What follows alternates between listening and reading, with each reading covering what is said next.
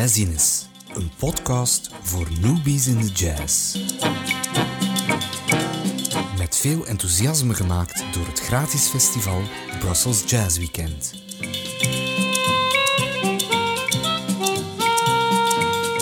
Deze special staat integraal in het teken van 100 jaar Toets Tielemans, net zoals onze komende festivaleditie op 27, 28 en 29 mei.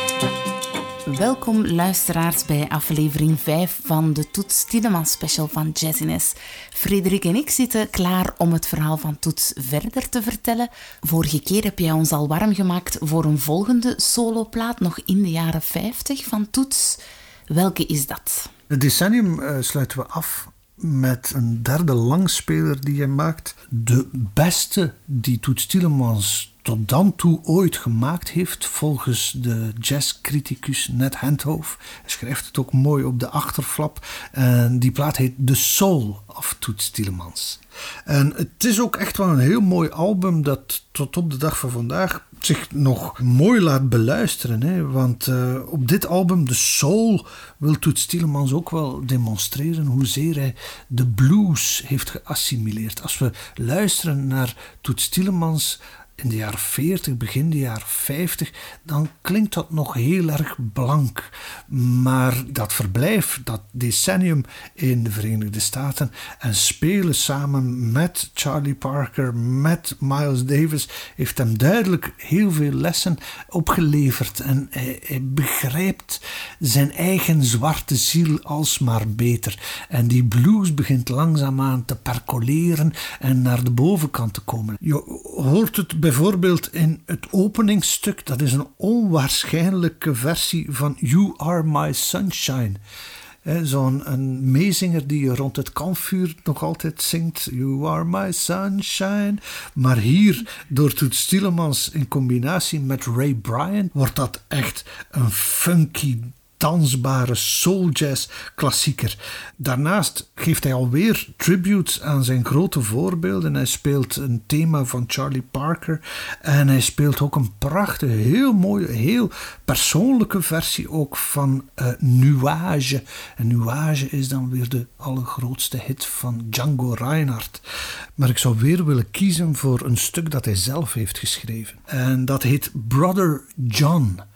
John, Jean, John Tillman, snap je wel? Hè? Het is een stuk dat in, in 3-4 staat. Het is een walsje. Het is een blues walsje. En dat is mooi, hè? Die, die ja, Europese traditie en dan de blues die daardoor uh, komt schemeren. En uh, dat is een stuk dat Toets op de gitaar speelt. En tegelijkertijd gaat hij daarbij fluiten. En die combinatie van unisono fluiten en gitaar spelen, dat is de allereerste keer dat we dat hier horen. Maar dat is een sound die hem in de jaren 60 beroemd zal maken. Hè, en die hem ook wel heel wat geld zal opleveren.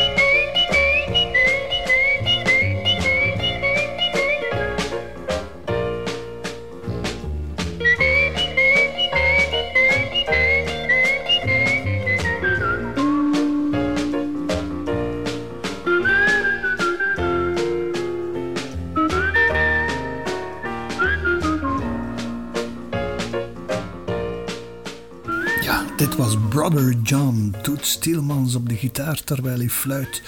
Een heel bijzondere gitaar trouwens. Het is een Rickenbacker model. Als je de hoes van de Soul of Toet Stielemans er is bijgehaald, dan uh, zie je die daar mooi op uh, gefotografeerd staan. Het was zo'n een uh, gitaar dat nogal eigen was aan Toets. Er waren niet zo heel veel jazzgitaristen die dat type gitaar speelden. Nochtans, Tielemans deed er alles aan om de populariteit van dat merk een beetje een boost te geven. Hij was ingehuurd door Rickenbacker tijdens muziekbeurzen om die gitaren te demonstreren. En er is zo'n heel mooie foto van Toets Tielemans omringd door allerlei Rickenbacker gitaren terwijl hij aan het spelen is. En achter zijn elleboog zie je een bijzonder model Rickenbacker. En die gitaar gaat echt geschiedenis gaan schrijven. Want het is een jonge kerel uit Liverpool die op een uh, gegeven moment een plaat van George Shearing voor de ogen krijgt. Daar staat Toets Tielemans met zo'n Rickenbacker gitaar op de hoes. En die jonge Liverpudlian vond dat zodanig cool eruit zien dat hij dacht: zo'n gitaar wil ik ook. Die man uit Liverpool, dat is natuurlijk de opperbeatle John Lennon. En het toeval wil dat wanneer de Beatles in het begin van de jaren 60 in Hamburg spelen, dat in de lokale muziekwinkel zo een type hing. Het hing daar al een tijdje. Al anderhalf jaar was dat daar stof aan het vergaren. Dus die muziekwinkel was eigenlijk stiekem blij dat daar een, zo'n jonge, schoffele uh, Engelsman plotseling interesse voor had. En John Lennon zal het misschien wel met wat korting aangekocht hebben. En als je echt, echt diep gaat kijken, dan merk je dat de houtstructuur, de nerven van de gitaar die John Lennon gekocht heeft, dezelfde is als die waar Toets mee in de muziekbeurs staat. Dat is fantastisch, hè? Uh, dus achteraf zal John Lennon en Toets Tielemans elkaar nog ontmoeten wanneer de Beatles in 1964 voor het eerst naar Amerika trekken om daar uh, de Ed Sullivan show op te nemen. De beroemde televisieshow waarmee ze doorbreken in de Verenigde Staten. Het televisieprogramma met de grootste kijkdichtheid ooit hè, in de geschiedenis van dat medium. Wel, net voor die opnames zette Rickenbacker een ontmoeting op tussen John Lennon en Toets Tielemans. En de reactie van John wanneer hij Toets ziet binnenkomen in het Plaza Hotel zou zijn: Oh, so you're the guy. If it's bloody well good enough for George Shearing, it's bloody well good enough for me. Het is zo'n verhaal dat Toets ja, tot, tot het eind van zijn leven opnieuw en opnieuw verteld heeft. Trouwens, in het begin van de carrière van de Beatles speelde John Lennon heel vaak de mondharmonica. Dat was zo'n ding dat hij gestolen had in een muziekwinkel in Arnhem uh, in 1960. Uh, eh, en dat waarschijnlijk ook wat geïnspireerd door Toets Tielemans was. Hè. Er waren niet zoveel andere mondharmonica-spelers. Uh, dus in die zin had Toets Tielemans het hele instrumentarium van John Lennon ja. beïnvloed. Hè. Ja, ik vind dat echt indrukwekkend. en het, het is zelfs nog niet gedaan, want na de dood van John Lennon in 1980 zal zijn zoon Julian ook nog heel even een, een popcarrière hebben. Hè. En uh, de grootste hit van Julian Lennon is dan weer Too Late for Goodbyes. Ja, sommigen interpreteerden het wat als een eerbetoon aan zijn veel te vroeg overleden vader. Hè. Het is nu Too Late for Goodbyes. In het midden van dat nummer hoor je een mondharmonica spelen. Als je kijkt naar de videoclip op YouTube, dan zie je Julian Lennon dat zelf spelen. In de studio was het niet Julian, maar was het Toets Tielemans. Oh. Ja. Dus laat ons daar eens naar luisteren.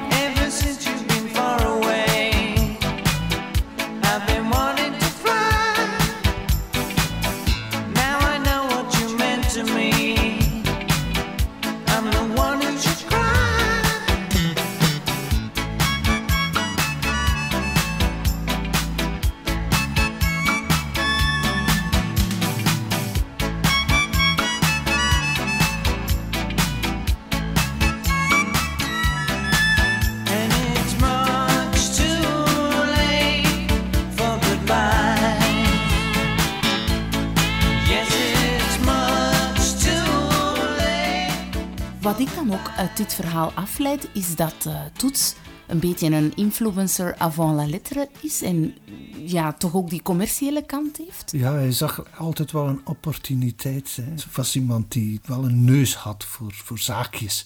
Maar misschien moest hij het ook wel, hè, want om als jazzmuzikant te overleven in de jaren 60 en zeker naar de jaren 70 toe werd het wel heel erg moeilijk. Hè.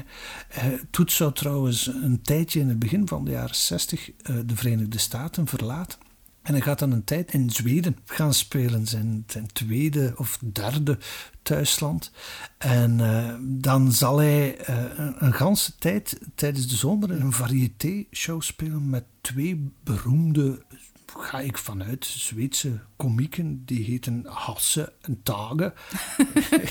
ik probeer mijn beste Zweeds boven te halen. Het klinkt goed. Ja, het klinkt wel ergens. Ik denk, ik denk dat dat wat uh, de Zweedse Gaston en Leo Ja. is of zo. en daar speelt hij dus uh, uh, de muziek, muzikale passagetjes tussendoor. Een fantastische periode. Trouwens, Toets leert daar ook Zweeds spreken. Hè. Hij spreekt vlot Zweeds. Hij heeft zelfs een soort dialect opgedaan van daar in de buurt. En hij schrijft ook een liedje. Het is eigenlijk een liedje dat hij al tevoren al had gespeeld. Het zat al een tijdje in zijn vingers. Het was een melodietje dat hij speelde als hij zijn gitaar moest stemmen. Maar op een, een avond kwam Stefan Grappelli in de coulissen voorbij, terwijl Toets daar wat voor zich uit aan het spelen was. Stefan Grappelli is de violist van Django Reinhardt. Ja. En die had tegen Toets gezegd van, zeg, wat is dat dat jij speelt? Oh, niks, niks. Zeg maar, dat is, een, dat is wel een mooi melodietje. Je zou daar iets meer mee moeten doen. En dan komt daar een compositie naar voren die alweer op een walsritme gebaseerd is. Die alweer doet denken aan een oude valse musette, een accordeonmelodie. Hij noemt het zelf bleuet, een korenbloempje. Mooi beeld. En die melodie brengt hij ook mee naar Zweden. En het is daar dat dat duo Hasse en Tage er een tekst op voorzien. En dat nummer wordt in plaats van een bluet, en ik ga mijn beste Zweeds weer boven halen, een Buderonde Sommervals. Een zomervals, dat is zoiets wat, wat in Zweden zeer bekend is. In de zomer kom je buiten en dans je een walsje. En dat wordt voor het eerst op plaat gezet door de Zweedse prachtige zangeres Monica Zetterlund. Laat ons eens luisteren naar die Bederande Sommervals. Hör min bedårande sommarvals mm, Inte alls någonting om havets spegel. Vita moln och vita segel. Inte någon lodans till handklaverets ton Den handlar inte om bryggorna, vaggorna, myggorna Inga bränningar som bryts vid reven Ingenting om Kalle Scheven som fyller fredligt sin kaffekopp med kron Min sommarvals, vad handlar den om?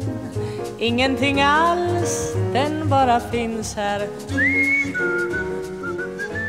Dit ken ik. Ja, ik heb een uh, neef en die is getrouwd met een Zweedse. En ik vroeg het haar van, ken jij dat liedje? Maar ja, zegt ze, natuurlijk. Iedereen in Zweden kent dat. Iedereen zingt dat ook mee. En ze begint dat spontaan te zingen. Ik zeg, maar je weet toch wat dit is?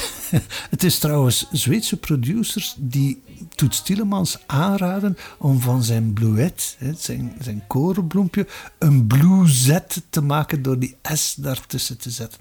En het is ook in Zweden dat Toets het voor het eerst als instrumentaal deuntje zal opnemen. En we kunnen daar misschien eens naar luisteren. Zeker, ja.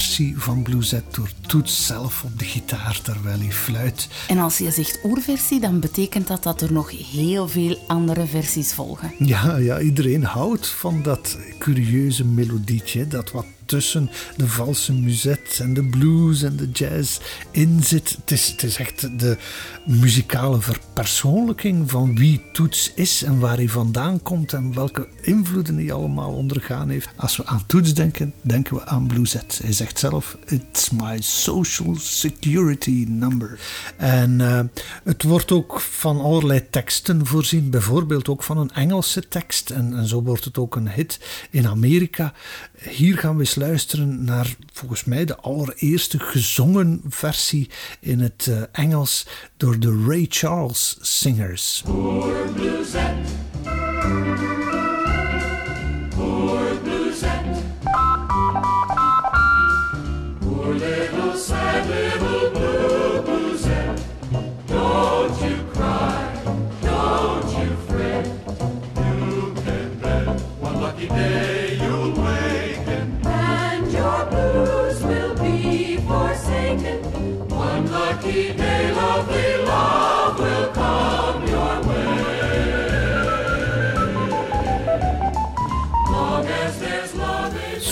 1962, het jaar van Bluesette. De grote doorbraak van Toet Tielemans. 1962 is nog voor een andere reden belangrijk in die carrière van Toet Tielemans. Het is ook het jaar waarin hij kennis maakt met een jonge pianist die hij in New York hoort spelen, ergens op 52nd Street, terwijl hij aan het repeteren is. En het valt hem op dat hij toch wel uitzonderlijk getalenteerd is.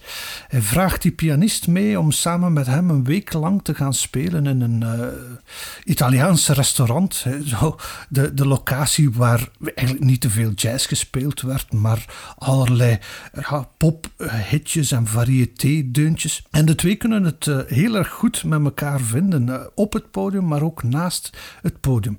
Jammer genoeg moet Toets na die week naar Zweden gaan vertrekken om daar blueset te gaan opnemen. Maar die pianist blijft achter en wordt kort daarna opgepikt door een andere oude bekende van Toets, dat is trompetist Miles Davis. Miles die op dat moment volop bezig is aan een verjongingskuur en een nieuw quintet opricht met muzikanten uit een jongere generatie. En die pianist zit erbij en dan weet iedereen wel min of meer over wie het gaat. Dat is natuurlijk de grote Herbie Hancock. Dus ja, in een ander leven had het heel even anders gelopen. Dan was Toets en Herbie Hancock de van een fenomenaal nieuw jazz-duo. Nu maakt Herbie Hancock naam aan de zijde van uh, Miles Davis. Maar de paden van uh, Toets en Herbie zullen elkaar nog geregeld kruisen. Hè. Het blijven goede vrienden. En uh, ik zou eigenlijk willen eindigen met zo'n ontmoeting die de beiden gehad hebben. We gaan naar het jaar 1968. En dan maakt Toets Tielemans zijn tweede plaat voor het Command label. Nu, Command is nu niet echt bekend omwille van zijn uitmuntende jazzplaten. Het was zo'n label dat vooral grossierde in variété-muziek, achtergronddeuntjes voor tijdens het diner. En ja, dat ligt eigenlijk wel goed in die aard van Toets Tielemans. Hè? Want laat ons eerlijk zijn, veel van de muzikale keuzes die Toets maakt, zijn ook wel ingegeven door de inhoud van zijn portemonnee. En uh, het succes van Bluezette was trouwens een van de redenen waarom er steeds meer commerciële opdrachten ook uh, binnenkwamen die hij graag aannam. En dat soort muziek uh, lag ook wel wat in zijn natuur. We mogen niet vergeten dat hij groot geworden is in die cafécultuur van Trapken af hè, en de chanson en, en, en, de, en de valsen en zo. Dus hier ook weer verteerbare toets, maar dan samen met Herbie Hancock, die ook een uh, check komt opstrijken van Command. En die heeft een andere vriend van hem mee, die ook uit de band van Miles komt. Dat is de bassist Ron Carter. Nog zo een kerel die op duizend en één platen te vinden is. Maar het is mooi om ze eens allemaal samen te treffen. En uh, we zullen daarmee deze uitzending eindigen. Uh, dit is Secret Love.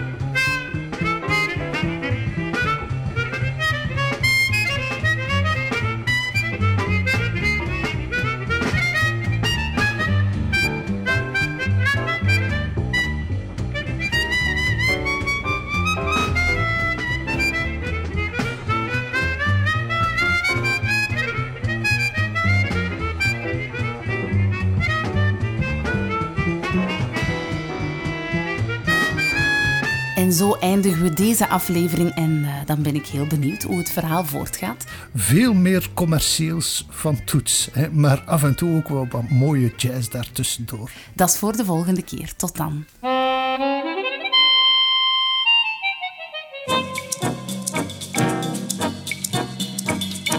Deze podcast werd gemaakt door Brussels Jazz Weekend. Helemaal enthousiast geworden over jazz? Kom dan op 27, 28 en 29 mei meer dan 200 gratis concerten beleven tijdens het festival. En dank je wel om onze podcast te liken, zodat er nog meer mensen van kunnen genieten.